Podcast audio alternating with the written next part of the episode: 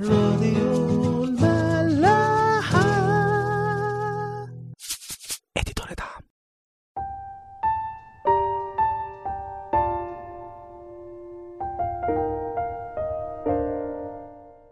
أهلا بيكم في حلقة جديدة من عيش وملح.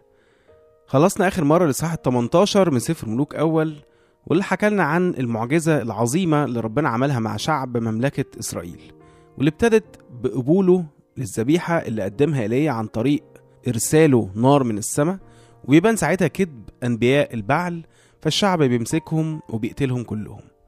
وبعدها ربنا بيرسل المطر عشان ينهي الجفاف اللي كان على مملكة إسرائيل لمدة ثلاث سنين ونص. أخاب الملك واللي شهد على كل اللي حصل ده هل يا ترى هيتوب عن عبادته للبعل ولا هيفضل زي ما هو؟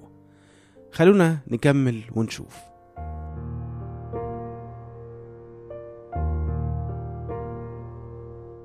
سفر ملوك أول صح 19 أول عدد. وأخبر أخاب إيزابل بكل ما عمل إيليا وكيف أنه قتل جميع الأنبياء بالسيف. أخاب بيحكي لإيزابل كل اللي عمله إيليا مع إن كان الطبيعي إنه يحكي لها عن كل اللي عمله ربنا من خلال إيليا بس نبتدي هنا نشوف ملمح جديد لشخصية أخاب إنه كان ضعيف خصوصا قدام مراته. واحد غيره شاف كل اللي عمله ربنا ده كان يرجع يقول لها ده ربنا عمل كذا وكذا وخلاص من هنا ورايح كل المملكة هتعبد ربنا. وكفاية قوي اللي عملته فينا الآلهة الغريبة دي.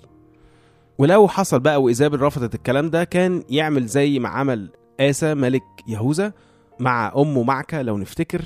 وبسبب عباداتها الغريبة برضه راح عزلها خالص عن المملكة. إنما أخاب ما بيعملش كل ده وبيروح لإيزابل وبمنتهى الضعف والجبن بيحكي لها عن اللي حصل كأنها نشرة أخبار. كأنه كمين عمله إيليا أو فتنة اتسبب فيها إيليا واتقتل بسببها كل أنبياء البعل بالسيف. وخلي بالكم بس من حاجة إحنا دلوقتي مش بنتكلم هنا في قوة شخصية أخاب كراجل أو كزوج أو حتى كملك. مش ده موضوعنا دلوقتي. إنما اللي بنتكلم عليه هو قوته كشاهد على أعمال ربنا. وإن ده رد الفعل الطبيعي لما الواحد بيشوف أعمال ربنا وبيختبرها بنفسه إنه يعلن عنها وبوضوح. عشان الناس التانية لما تسمع الشهادة بتاعتك دي خصوصا لو كانت ناس قريبة منك أو بتثق في كلامك هي كمان تآمن. تفرق كتير قوي لما واحد صاحبك أو حد عزيز عليك يسمع كتير قوي عن أعمال ربنا في وعظات أو دروس كتاب عن إنه يسمعها منك أنت. يعني على قد إيماننا إن الكتاب كله مكتوب بوحي من روح القدس بس هنلاقي إن يوحنا في إنجيله في إصحاح 19 ساعتها هو الوحيد اللي بيحكي عن طعن المسيح وخروج دم ومية من الجرح بتاعه فبعدها بقى بنلاقيه بيقول جملة اعتراضية كده في عدد 35 يقول والذي عاين شهد وشهادته حق وهو يعلم أنه يقول الحق لتؤمنوا أنتم. يوحنا كان بيقول الكلام ده على اللي هو بيشهد بيه. فاللي عايزين نركز عليه هنا بقى هو إن ده الترتيب الطبيعي لاختباراتنا مع ربنا.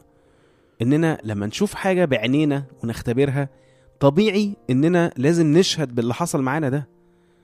واللي بيشهد لربنا عن معرفة واختبار بتبقى شهادته دايما أقوى لأنه بيشهد عن حاجة حصلت له وعاشها مش عن حاجة سمع عنها. فاللي بيدور على الحق بجد هيحس بالحق ده في كلامه أو في كلامك أنت. فالطبيعي بعدها إنه يآمن بكلام الشاهد ده.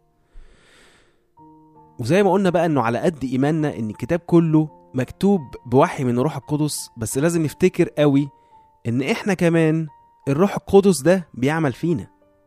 فشهاداتنا اللي مبنية عن خبرة حقيقية مع ربنا هي بتساوي أو المفروض إنها تساوي كل الشهادات اللي اتقالت في الكتاب المقدس. يا جماعة لازم نفتكر كويس قوي إننا مش متفرجين على عملية الخلاص أو عملية توصيل ربنا للناس إنما إحنا شركاء في العملية دي.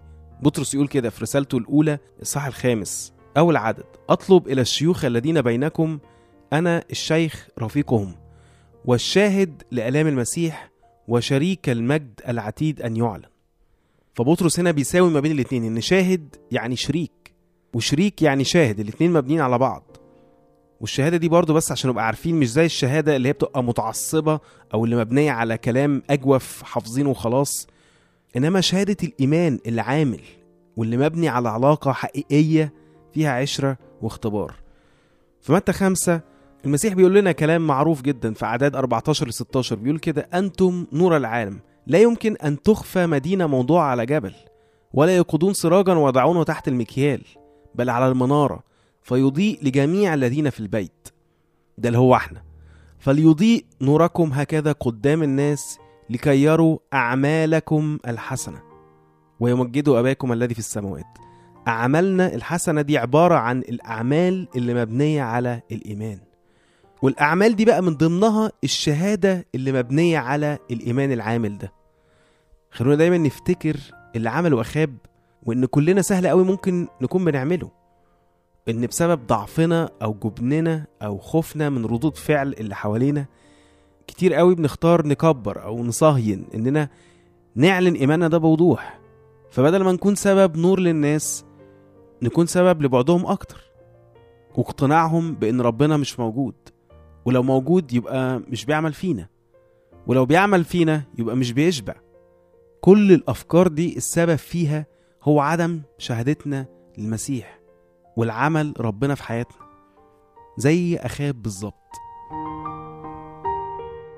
راديو ملاحة.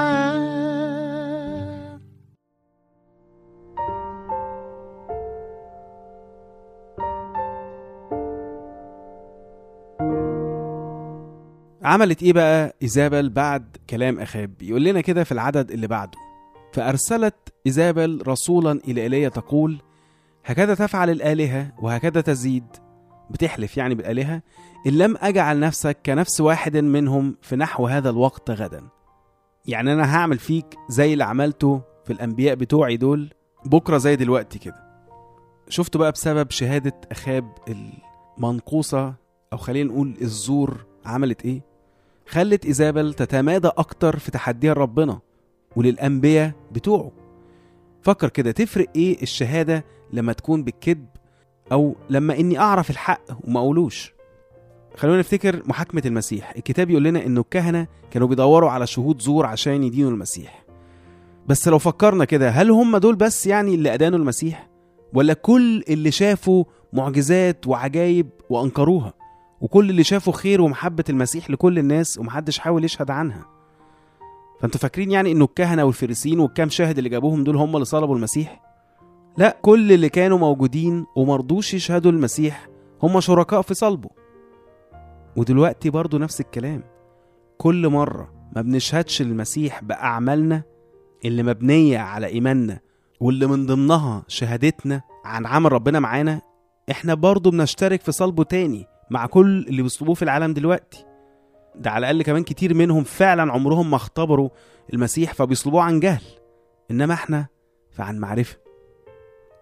في مرقس 8 38 المسيح يقول كده لأن من استحى بي وبكلامي في هذا الجيل الفاسق الخاطئ فإن ابن الإنسان يستحي به متى جاء بمجد أبيه مع الملائكة القديسين. لازم ناخد بالنا يا جماعة إحنا شركاء في إيه؟ في الشهادة لربنا ولا عليه؟ شركاء في المجد ولا في الصلب؟ نشوفكم الحلقة الجاية. راديو ملاح.